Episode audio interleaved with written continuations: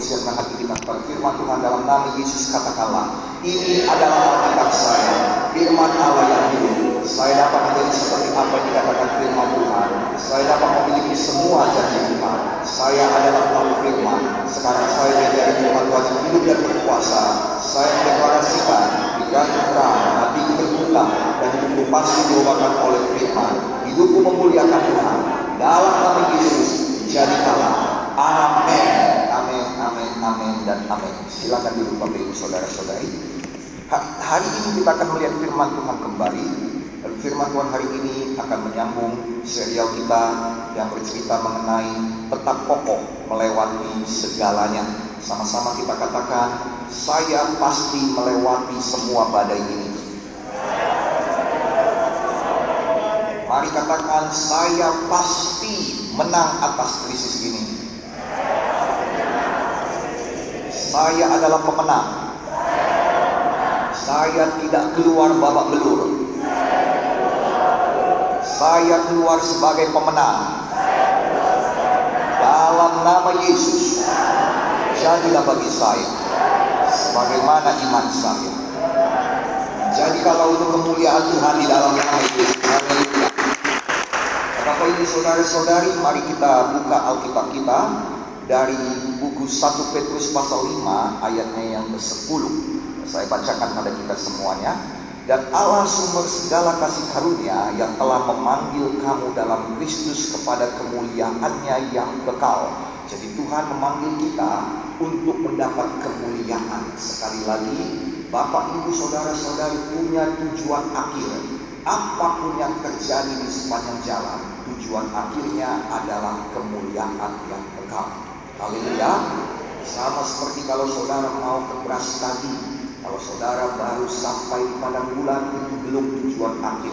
Apa pun yang terjadi di padang bulan itu belum tujuan akhir. Kalau saudara sudah sampai di Sembahi itu belum tujuan akhir.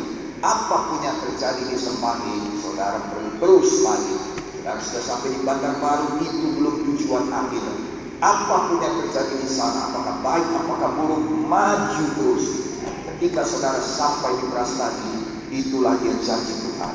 Janji Tuhan, saudara tahu kemuliaan yang kekal. Jadi apa pun yang saudara alami hari ini, kita tidak boleh berhenti. Tidak boleh berhenti. Sama-sama katakan, saya tidak akan berhenti. Amin. Dalam nama Yesus, semua kita terus maju. Terus semangat. Terus menyala-nyala. Semuanya kita terus berbuat baik. Semuanya kita terus melayani Tuhan. Dalam hal ini memang kita harus lebih berhati-hati dari sebelumnya. Kita harus lebih bijaksana daripada sebelumnya. Tapi bukan berarti kita berhenti. Kita tidak berhenti bersaksi. Kita tidak berhenti memberitakan tentang Yesus. Kita tidak berhenti memberkati sekeliling kita. Tidak di dalam nama Yesus. Memang cara-caranya pun berbeda. Tuhan berikan hikmat kebijaksanaan kepada kita semuanya. Tapi kita tetap pemenang-pemenang jiwa. Kita pasti sampai pada kemuliaan yang kekal. Haleluya. Yang percaya boleh katakan amin. Dan Tuhan itu akan melengkapi kita, meneguhkan, menguatkan dan mengokohkan kita sesudah kita menderita seketika lamanya. Jadi ada memang penderitaan di dunia ini. Tidak lama, ada waktunya.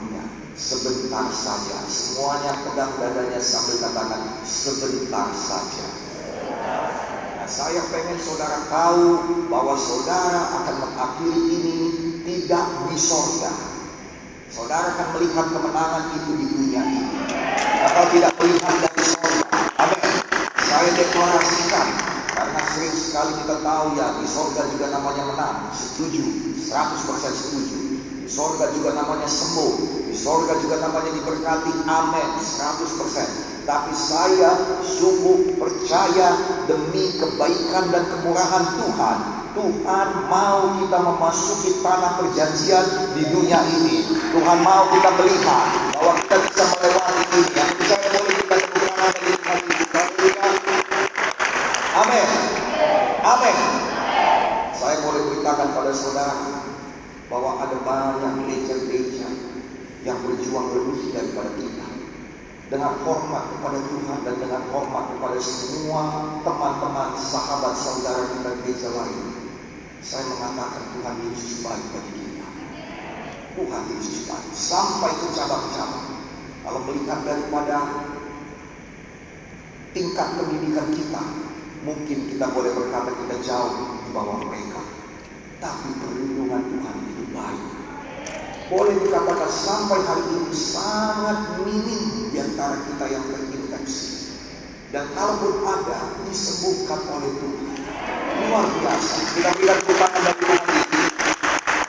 Sangat minim korban dari gereja kemenangan umat Indonesia. Dengan hormat kepada semua gereja-gereja bukan memperbandingkan. Tetapi supaya kita sadar. Ada Tuhan di GKI. Ada Tuhan di GKI. Disiapkan maka saya minta kepada dengan hormat. Ada satu orang pendeta teman baik saya datang dan dia mengeluh. Dia katakan saya takut. Dia, saya katakan bro kenapa kamu takut? Dia katakan 13 daripada orang yang saya kenal itu meninggal karena COVID. Saya mulai mengerti kenapa dia takut. Saya jumpa dengan satu aliran gereja lain dan dia katakan, bro kami belum berani buka. Kapan boleh buka? Tidak ada rencana buka sampai akhir tahun. Kenapa? Ada puluhan yang sudah jadi korban. Saudara, selama ini kita pantau juga sampai ke cabang-cabang. Sangat minim. Masih bisa dihitung dengan kalaupun ada sebelah jari. Ah, Tuhan Yesus. Saudara, bukan untuk membanggakan diri. Tetapi karena itulah saya tahu kalau Tuhan sudah memberikan kasih karunia kita harus berani. Tanpa mem me mengurangi protokol atau kita tidak mau mencoba itu. Yang mengerti katakan amin. Tapi kita harus berani. Dan kiranya Tuhan melihat hari ini tindakan kita adalah satu tindakan yang percaya pada dia. Bukan gegabah dan amin. Jadi memang ada penderitaan. Ada tekanan dalam hidup ini. Tetapi Tuhan kita bekerja di balik semua penderitaan dan tekanan ini. Penderitaan dan tekanan ini bukan datang dari Tuhan. Itu datang dari setan. Ayat yang paling jelas mengatakannya ada dalam buku Ayub pasal 1. Di mana dikatakan ketika Tuhan melindungi Ayub dengan pagar perlindungannya, setan mana pun tidak bisa melewati. Setan mengeluh, dia berkata, bukankah kau yang telah melindunginya? Kalau mungkin dukun yang melindungi, bisa ditembus. Kalau mungkin tentara yang melindungi, bisa ditembus. Kalau mungkin saudara, doa-doa orang tua yang melindungi, bisa ditembus. Tapi kalau Tuhan yang melindungi, setan mengeluh karena dia tidak bisa menembus. Haleluya. Sampai ada ayat yang berkata, nah, kata Tuhan, ku pagar ini. Tapi Tuhan berikan pagar yang baru. Dia. Betapapun iblis pengen menjamah engkau. Saya percaya saat ini banyak setan yang stres. Banyak setan yang pengen menjamah engkau. Banyak setan yang pengen menjamah saya. Tapi nggak bisa. Karena Tuhan memberikan pagar perlindungan kepada saudara. Terpujilah Tuhan. Haleluya. Dan mungkin heran. Kenapa Tuhan cabut pagar perlindungan ini? Tapi setelah kita lihat sebenarnya sekarang ini kita mengerti bahwa sebenarnya sebelum datang masalah itu Ayub sudah sampai pada tingkatan yang tertinggi yang bisa dicapai. Tapi Tuhan berkata belum. Tapi Ayub tidak bisa lebih lagi. Dia harus ikut ujian SBMPTN yang mengerti kata-kata Karena SMU hanya sampai kelas 3 SMU. Gak ada kelas 4 SMU. Gak ada kelas 13. Yang mengerti katakan haleluya. Dan untuk masuk ke universitas, dia harus ikut ujian yang baru lagi. Amin. Itu sebabnya Tuhan berikan ujian ini kepada Ayub. Tuhan berikan ujian ini kepada dunia ini. Saya tidak tahu apakah ini akan menjadi ujian terakhir kita, saya tidak tahu. Tapi yang saya tahu kedatangan Tuhan sudah sangat dekat. Haleluya. Saya belum pernah melihat Injil diberitakan sampai ke ujung bumi seperti saat ini. Saudara yang kasih dalam kami sekarang kalau saudara mau cari konten firman Tuhan di internet engkau bisa temukan mulai daripada pendeta yang hanya satu orang penontonnya yaitu dirinya sendiri sampai kepada jutaan orang yang menonton. Mulai daripada pendeta yang ngaco ngomongnya sampai yang betul-betul memberkati. Mulai dari pendeta yang kerjanya hanya membacakan ayat-ayat di pagi hari sampai memberikan penerangan akan firman Tuhan yang luar biasa. Semua ada di internet. Ya saudara, mulai daripada pendeta yang kerjanya dulu-dulu dan cerita tentang neraka sampai pada pendeta yang kerjanya memberkati dan juga ya memberitakan tentang sorga, memberikan pada kita damai ada semuanya di sana. Mulai daripada pendeta yang botak sampai yang gondrong ada. Saudara ya, ada yang semua ada dari yang muda sampai yang paling tua ada semua di sana. Mau pemberitaan apa? Kalau kau mau tentang akhir zaman tuliskan saja akhir zaman semua muncul di YouTube. Saudara mau menuliskan awal zaman ada juga, semua ada. Belum pernah begini terjadi. Saya percaya sudah semakin dekat. Dan dengar baik-baik. Pada saat Metro TV memberitakan bahwa ada banyak orang-orang dicuri oleh alien dari muka bumi ini. Pada saat CNN berkata bahwa Amerika mempunyai senjata untuk menghilangkan manusia dan dia bekerja sama dengan Israel. Pada saat Al Jazeera berkata, saudara, bahwa ada konspirasi negara-negara barat untuk melenyapkan penduduk-penduduk di muka bumi ini. Saya tidak menonton siaran itu semua. Saya berdoa saudara pun tidak menontonnya. Karena semua kita ada di awang-awang bersama Tuhan Yesus. Ayo dong yang semangat dong. Haleluya. Haleluya. Pada awal ketika pertama sekali gedung gereja kita kosong. Seminggu sebelumnya penuh sampai ke belakang. Nah, saya ajak jemaat pada satu kemarin untuk sama-sama berkata jangan takut.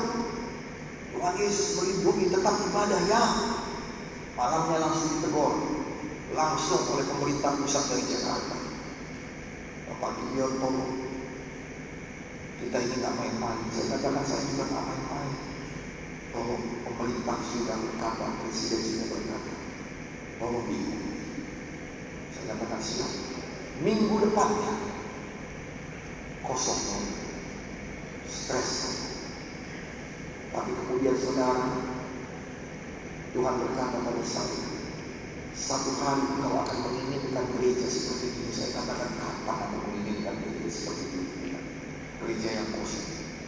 Mana ada pendeta yang pengen gerejanya kosong? Tuhan berkata, satu hari kau akan bersyukur. Karena pada waktu hari kedatangan, gereja kosong. Haleluya. Saya berdoa jangan ada yang ke GKI Medan Kota berlutut di altar dan berkata, ampuni dosaku ya Tuhan tidak. Saya berdoa kita semuanya siap untuk diangkat oleh Tuhan. Bukan dengan kesucian kita, tetapi kebenaran Kristus, darah Yesus. Itu yang menjadi andalan kita. Haleluya. Yang mengerti dan yang sukacita katakan amin. Memang ada penderitaan. Tetapi penderitaan itu saudara tidak lama. Nanti ada penderitaan oleh karena antikristus. Tapi kita tidak ada di sana. Selama antikristus belum datang ada penderitaan kecil-kecil. Sebentar saja. Tapi Tuhan kita bekerja. Semua berkata Tuhan bekerja. Roma 8 ayat 28 dikatakan kita tahu sekarang. Lihat kiri yang lain. Lagi katakan tahu di dalam nama Yesus. Amin.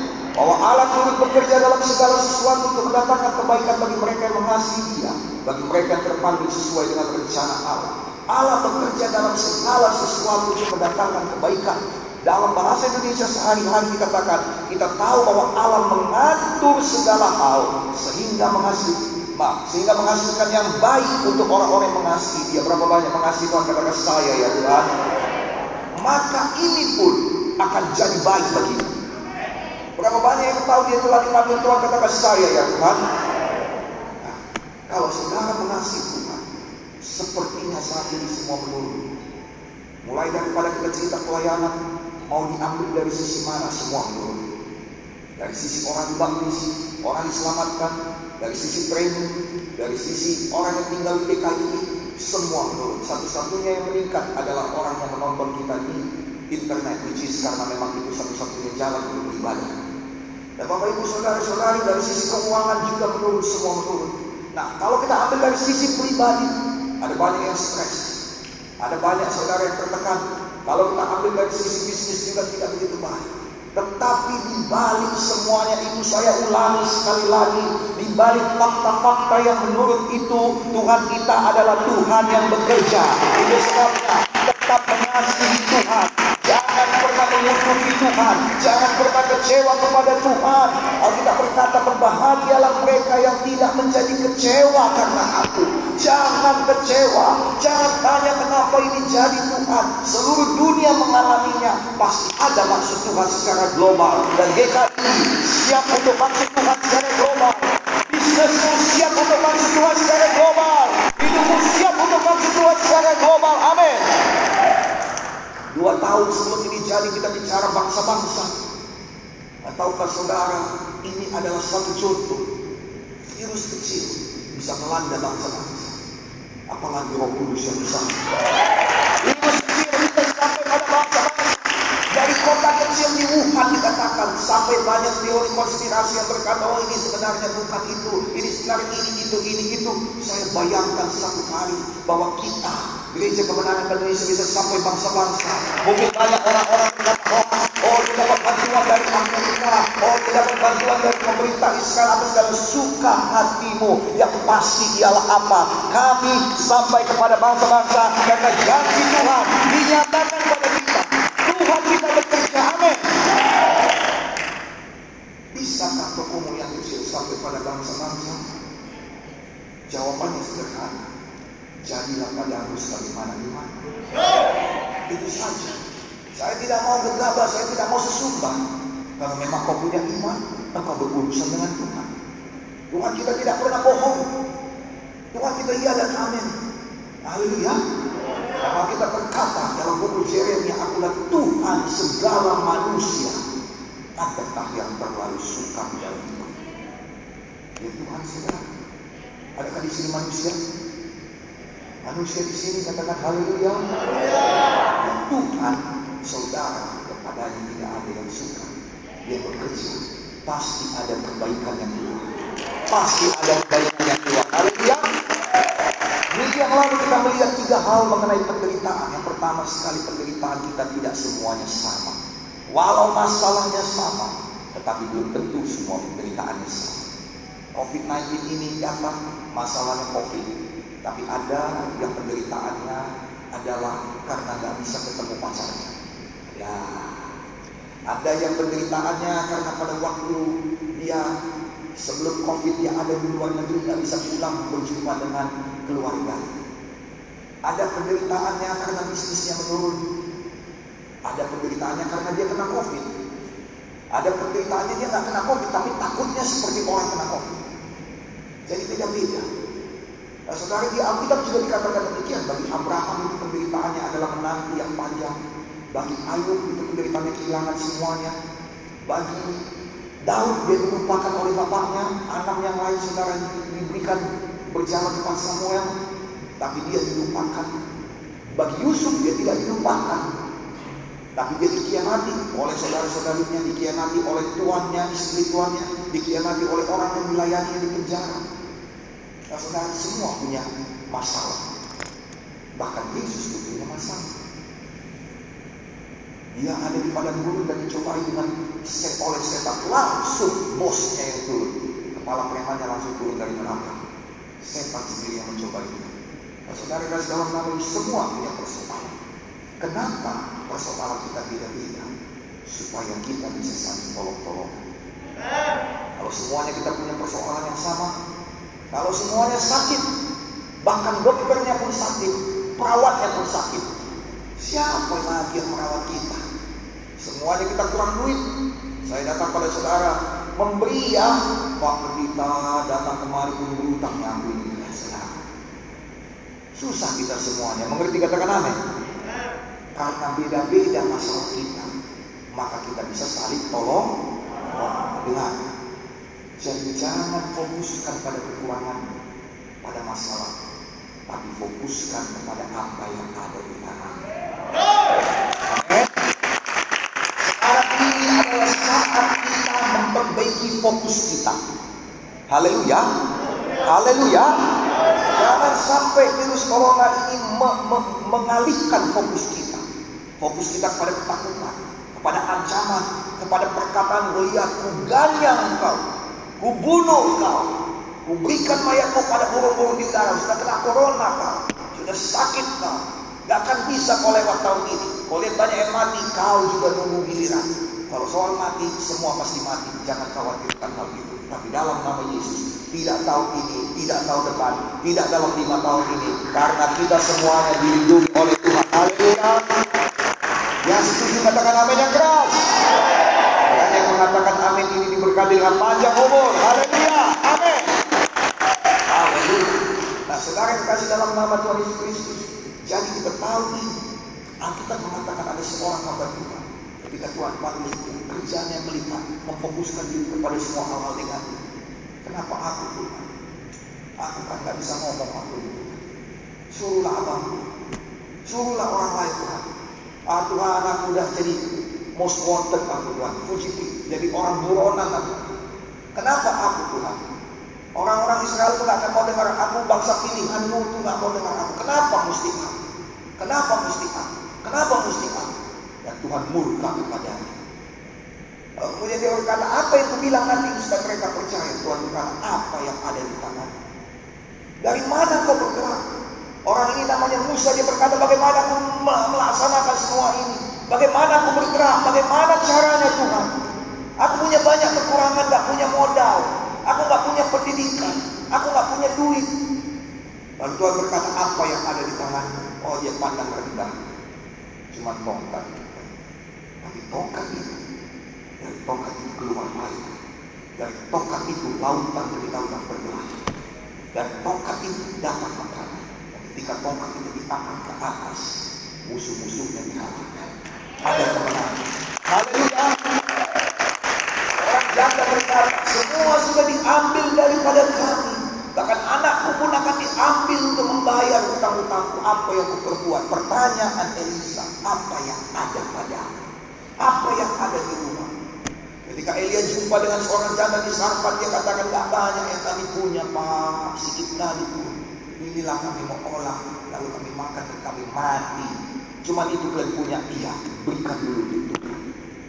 Berikan dulu untuk hamba Tuhan, berikan dulu pekerjaan. Maka inilah firman Tuhan. Kau akan mati. Apa yang ada padamu dahulukan Tuhan. Fokuskan kepada apa yang Tuhan taruh di tanganmu.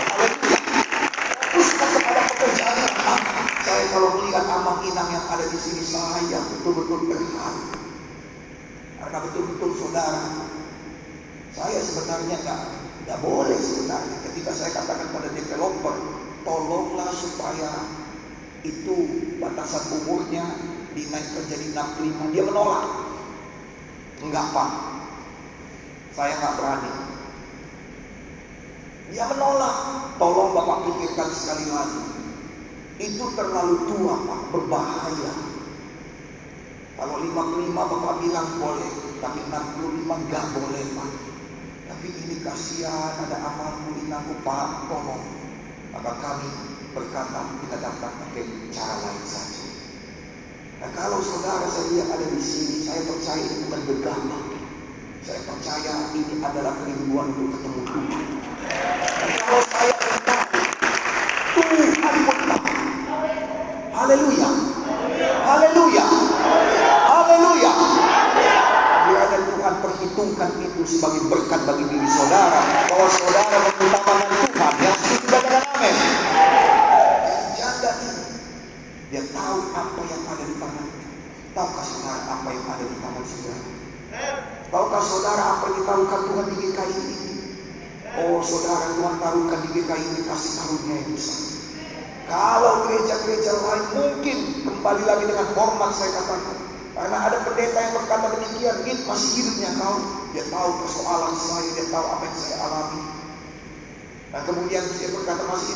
Kau. Saya katakan masih hidup bro.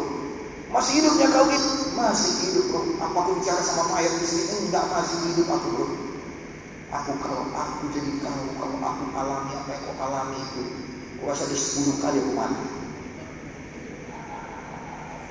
Saya mula-mula pikir dia berketawa. Sampai akhirnya saya ketemu dengan dia. Dan ternyata dia setuju. Dia katakan melihat kau masih bisa jalan-jalan membuat imanku bangkit lagi. Melihat kau masih bisa makan kayak ini.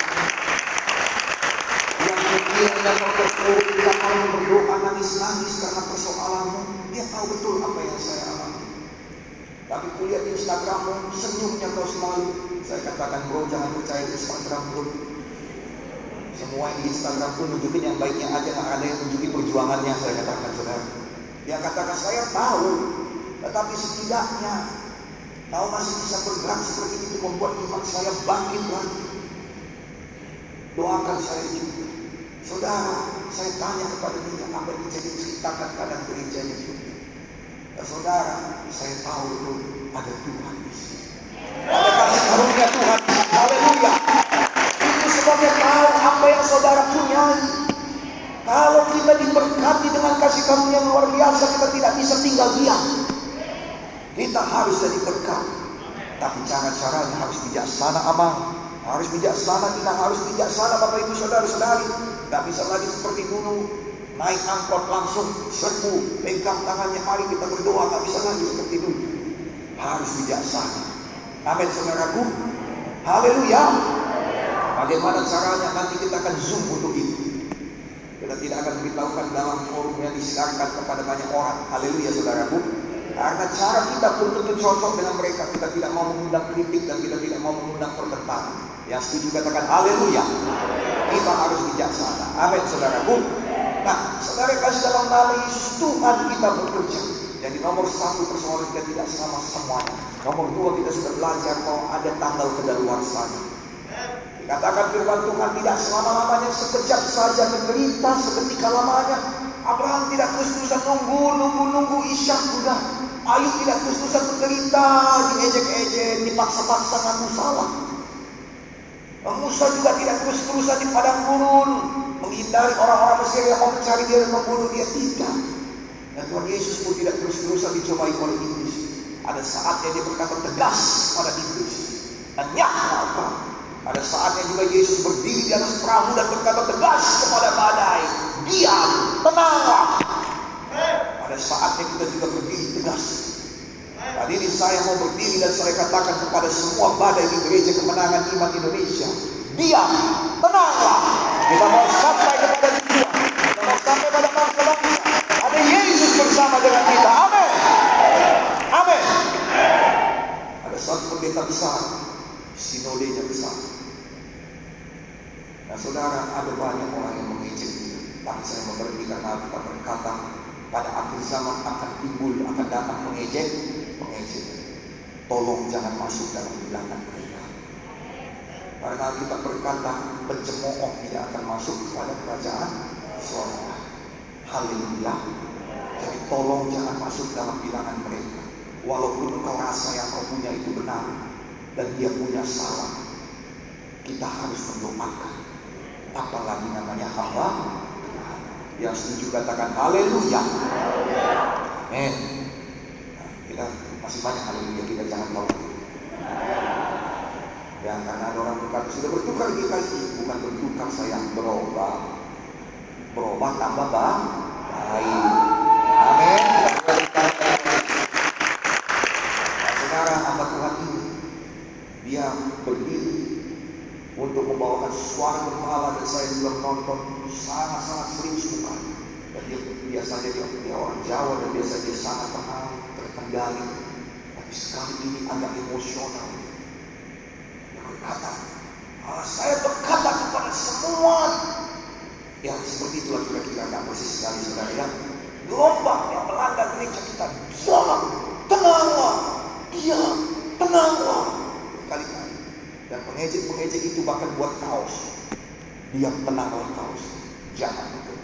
Kiranya Tuhan berurusan dengan mereka. Tapi tahukah saudara, sejak dia berkata demikian, semua pendeta-pendeta berhenti terkena COVID. Sebelum itu, pendeta-pendeta gerejanya puluhan meninggal dunia. Dia kerjanya saudara membawakan penghiburan terus kepada gereja-gereja yang mati kena COVID. Pendeta-pendeta senior, wakil pendetanya, orang-orang yang diberkati, orang-orang kaya, orang-orang utama, pilar-pilar gereja bermatian. Saya tidak heran dia berdiri dan berkata, diam tenang. Saya kira sudah waktunya juga saya berkata hal yang sama. Karena kita mau berhenti dalam nama Yesus. Nama Yesus, semua badai ini diam dan tenanglah dalam nama Yesus. Diam dan tenanglah dalam nama Yesus. Kemuliaan bagi Tuhan. Mari maju. Haleluya. Kenal apa yang ada di tangan kita. Apa yang ditaruhkan Tuhan di tangan kita. Kali-kali Arbor Berer ini juga berkata, Pak, gunakan tongkat kepala Bapak. Ya, saudara kasih dalam nama Tuhan Yesus Kristus. Saya gunakan tapi kita gunakan bijaksana. Enggak untuk mukuli kepala domba-domba. Haleluya saudaraku. Ya sukacita katakan amin. Kenapa pendeta mengutuki katanya? Saya gembala tidak bisa memberkati singa. Gembala tidak bisa memberkati serigala yang memangsa domba-domba. Nah, saya kalau saya tidak punya waktu untuk menerangkan, tapi di alam roh saudara, pedang roh yaitu firman Tuhan. Sebagai saya katakan, pedang roh yaitu firman Tuhan. Mempergunakannya tidak dengan tangan, tapi dengan mulut. Firman Tuhan itu memberkati, tapi pada saat yang sama juga firman Tuhan itu dipakai untuk apa? Melindungi. Pedang roh itu, pedang roh itu dipakai untuk memperluas wilayah, merebut wilayah-wilayah musuh itu memberkati. Yang mengerti katakan amin. Dan pada saat yang sama juga dipakai untuk membela diri. Apabila musuh datang, dia tidak akan kasihan. Alkitab berkata dia memisahkan, dia tusuk, dia dia pisahkan. Artinya apa? Artinya memang itu bisa dipakai untuk menusuk musuh-musuh kita. Bisakah seorang pendeta mengutuki? Bisa. Elisa mengutuki. Tuhan Yesus pun mengutuki. Oh iya Pak, dia mengutuki pohon ara. Lah, dia mengutuki manusia. Matius pasal 5 semua berbicara tentang berkat. Matius pasal 23 semua berbicara mengenai kutuk. Dari mulut yang sama keluar berkat dan kutuk itu lain sayang makanya belajar teologi.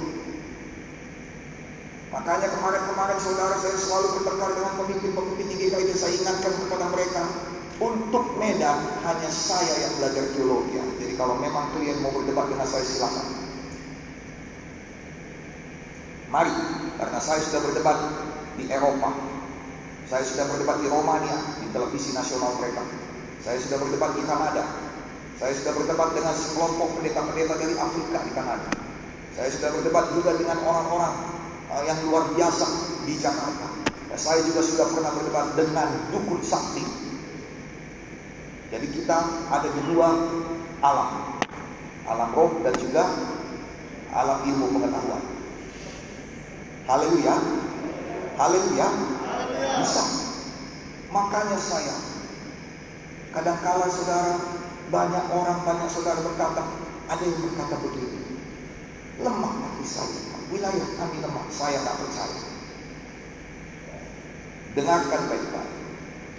Mengapa saya tidak percaya? Karena nomor satu saya kenal Tuhan yang bekerja di dalam saudara. Saya kenal itu. Haleluya. Nomor dua saya kenal saudara. Saya kenal engkau kalau tidak karena kau kuat kau tidak ada di GKI kita gereja yang betul-betul ditekan oleh adat istiadat betul atau tidak? Kalau tidak kau sudah melalui badai itu kau tidak akan tinggal di sini. Belum lagi dengan model pemimpin-pemimpin kita seperti dahulu yang menekan kau menikah pun susah. Kalau bukan karena Tuhan menguatkan engkau kau tidak ada di sini.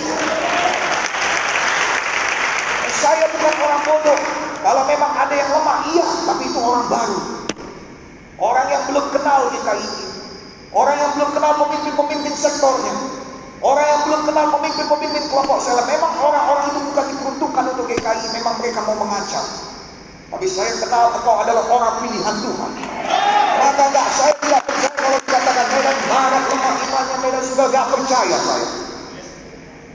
Tidak percaya, sungguh saya bukan itu iman saya. Saya percaya bahwa engkau dapat melalui badai ini. menyenangkan hatimu tidak.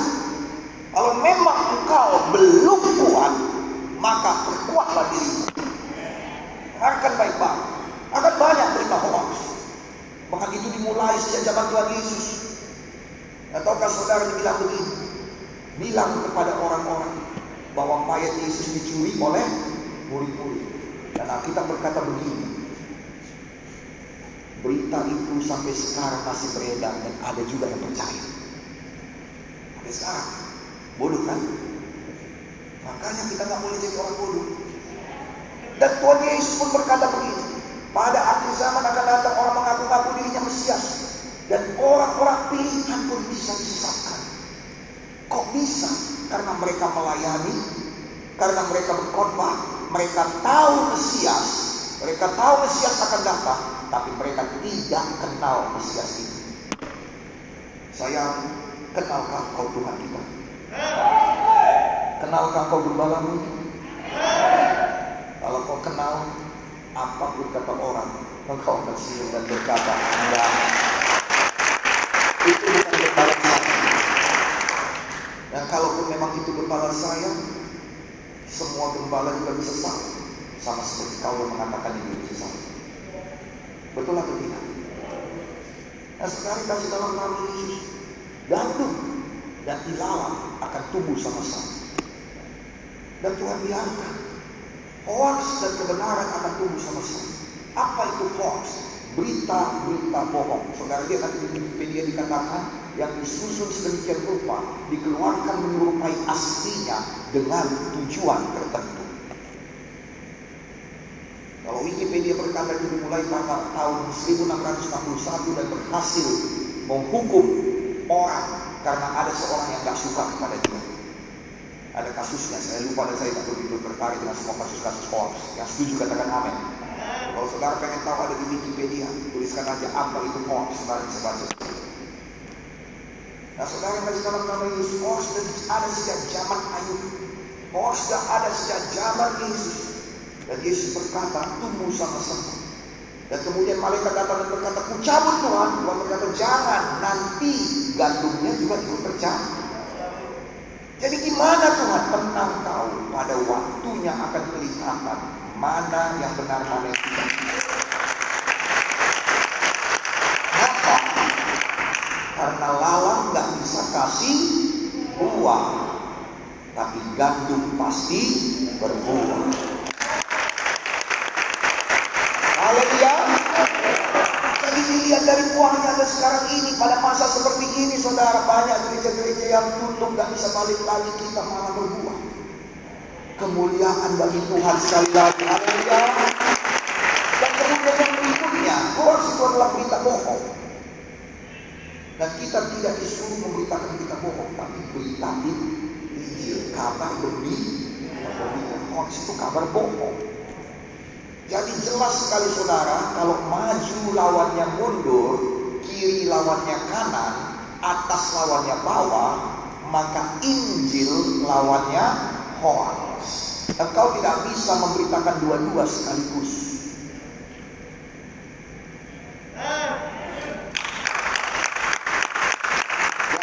Katakan amin. Sama seperti kau nggak bisa ke kanan sekaligus ke kiri, sama seperti kau tidak bisa ke atas sekaligus ke bawah. Yang mengerti katakan amin. Sama seperti kita tidak bisa maju sekaligus mundur. Maka demikian juga kita tidak bisa memberitakan Injil sekaligus menyebarkan hoax. Pilih. Dan selama ini saudara tahu kita konsisten menyebarkan Injil di semua sosial media kita. Saudara lihat orang luar tahu kalau saudara dengar wawancara kita, share kita dengan Corudisian, dia katakan saya kenal ini sahabat saya. Dan lu kali ini luar biasa. Saat-saat seperti ini selalu konsisten dengan berita-berita firman. Selalu ada acara. Enggak muncul dan tenggelam lagi, muncul tenggelam lagi. Kemudian begitu. Haleluya. Itu semua karena doa-doa saudara. Kemurahan Tuhan. Saya sebenarnya nggak sanggup. Tapi seperti yang pertama kali, di tengah-tengah tidak sanggupan saudara, ada saudara-saudara yang sanggup.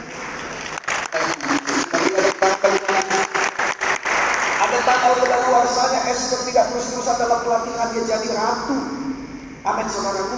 Yusuf jadi perdana menteri, perdana menteri Mesir. Ada tanggal kedaluarsanya.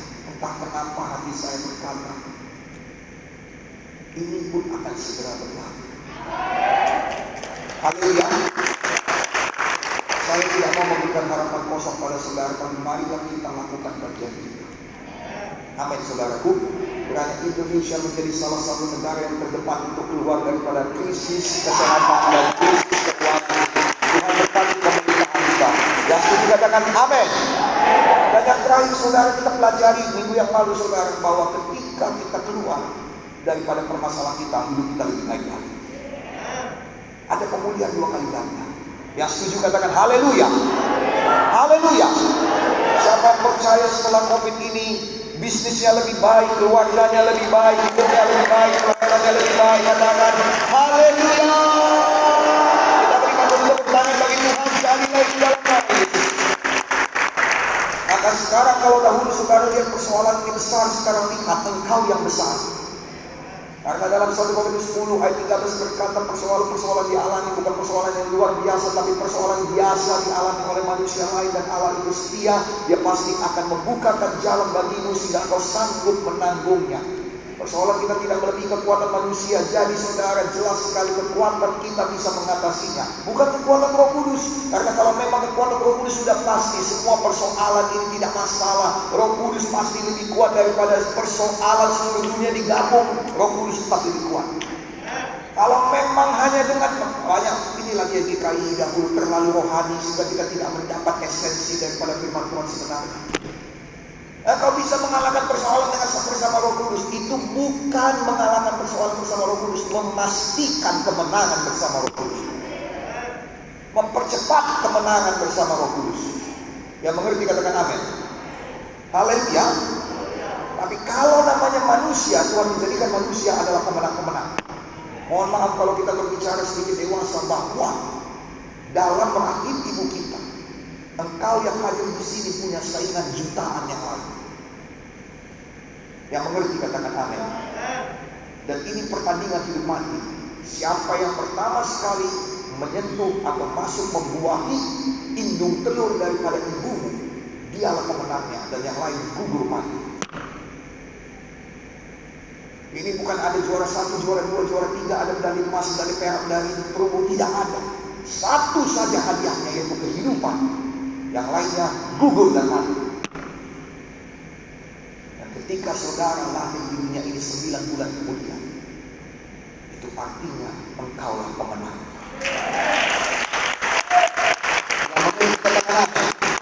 Engkau sudah mengalahkan jutaan yang lain dan Tuhan menaruhkan matanya padamu. Kenapa? Karena kita berkata, Dia yang membentuk diri jauh. Dia yang membentuk bagian dalam tubuh. Dia yang membentuk hidup dan dia berkata, Aku tahu rancangan-rancangan yang ada pada mengenai kau, engkau, engkau, engkau. Saya tidak ada yang tidak ada satu rencana yang membahayakan kau. Tidak ada rancangan kecelakaan, tapi untuk memberikan padamu hari depan yang penuh dengan harapan. Haleluya. Persoalan-persoalan kita alami ini bukan hanya lebih kuat, lebih lebih lebih lemah daripada Roh Kudus, bukan, tapi lebih lemah daripada kau. Tidak melebihi kesanggupan. Engkau sanggup. Sanggup. Kita sanggup. Kita sanggup. DKI sanggup. Bisnismu sanggup. Hidupmu sanggup. Haleluya. Come on, berikan tepuk bagi Kudus, bagi Yesus, bagi firman Tuhan. Amin. Apalagi bersama Roh Kudus. Silakan kau sendiri sanggup. Kalau memang kau sendiri tidak sanggup, manusia tidak sanggup tanpa roh kudus, maka semua yang kaya di dunia ini, semua orang hebat, semua pemimpin-pemimpin dunia ini adalah orang Pantekosta karismatik. Karena yang bisa cuma orang yang penuh roh kudus, roh kudus. Tapi ternyata ada juga orang Kristen Protestan, ada orang Kristen Katolik, ada bahkan dari agama-agama lain. Kenapa? Karena memang mereka yang hadir di dunia ini adalah pemenang-pemenang. Yang namanya manusia adalah pemenang-pemenang. Itu sebabnya kita bersuka cita ketika kita menang dan kita tidak bersuka cita ketika kita kalah. Yang setuju katakan amin. Ya, Bapak Ibu Saudara-saudari, engkau pemenang-pemenang. Pasti ada kehidupan yang lebih baik nanti kau di bangsa. Apa yang kita lakukan? Yakobus 1 ayat 12 dikatakan berbahagialah orang yang bertahan dalam pencobaan. Tapi dalam bahasa Inggris dikatakan gini, blessed is the man who keeps on going when times are tough. Diberkatilah orang yang tetap maju ketika waktu-waktu menjadi suka. Maju terus anak. Maju terus anak. Ibu bapak maju terus. Jangan sibuk memikirkan hoax, nggak ada gunanya. Jangan. Saya jadi bingung Pak Pendeta. Jangan lagi itu yang kau katakan. Kenapa mesti bingung ini? Jadi saya ini menahan persepuluhan saya atau gimana kata orang pada saya kemarin zaman saya katakan yang itu nggak perlu dijawab puluh kali pun pertanyaan ini. Karena ada pendeta petinggi GKI berkata sebelum mereka berdamai jangan kau kasih persepuluhanmu. Saya mendengarkan baik-baik itulah kesesatan GKI dari dulu. Berani betul dia berkata demikian. Persepuluhanmu itu bukan urusan dia. Orang Tuhan berkati engkau kok bukan berkati dia.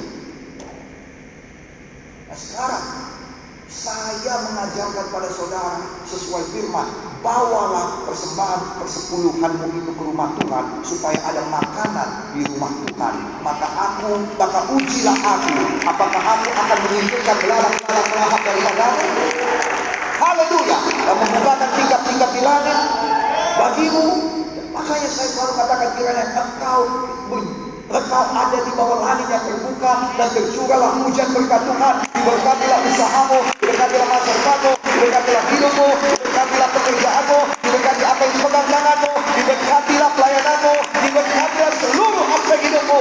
Jadilah dalam nama Yesus bagi yang menikmati persepuluhannya. Amin.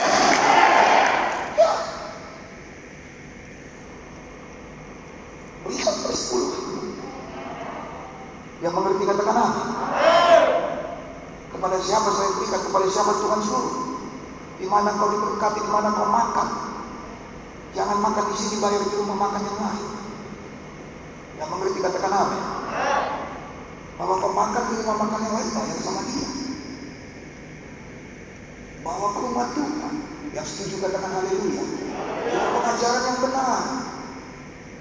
Ada orang berani ngomong tahan persepuluhan pada masa seperti ini. Apa artinya pihak mana dia? Makanya saya katakan sayang, memang kau baik hati, tapi jangan sampai kau dibodohi.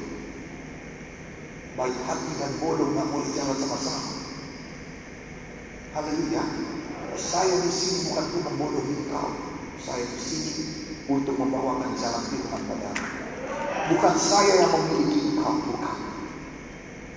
Saya sini untuk membawakan jalan Tuhan dalam hidup. Saya nggak akan pernah memiliki kau Yesus. Yesus membayar lunas harganya bagimu. Saya juga dibayar lunas oleh Yesus. Dan satu kesempatan kehormatan yang sangat luar biasa. Kalau saya boleh jadi. Satu sukacita besar ketika saudara mengakui saya gembala saudara. Maka sekarang mari sama-sama kita bergerak. Maju sama-sama. Walau ada kesukaran, diberkatilah mereka yang tetap berjalan ketika waktu-waktu bertambah sulit. Kenapa? Karena di depan sana ada tanah perjanjian. Di depan sana ada kemenangan. Haleluya. Ah, waktu saya sudah habis sebenarnya, tapi firman ini belum saya sampaikan ke hari. Maka dengan cepat, haleluya. Kalau tadi kita bicara mengenai tiga hal mengenai persoalan, maka sekarang kita berbicara mengenai tiga hal mengenai pekerjaan Tuhan. Mohon izin sebentar supaya saya buat podcast yang baru. Oke? Okay?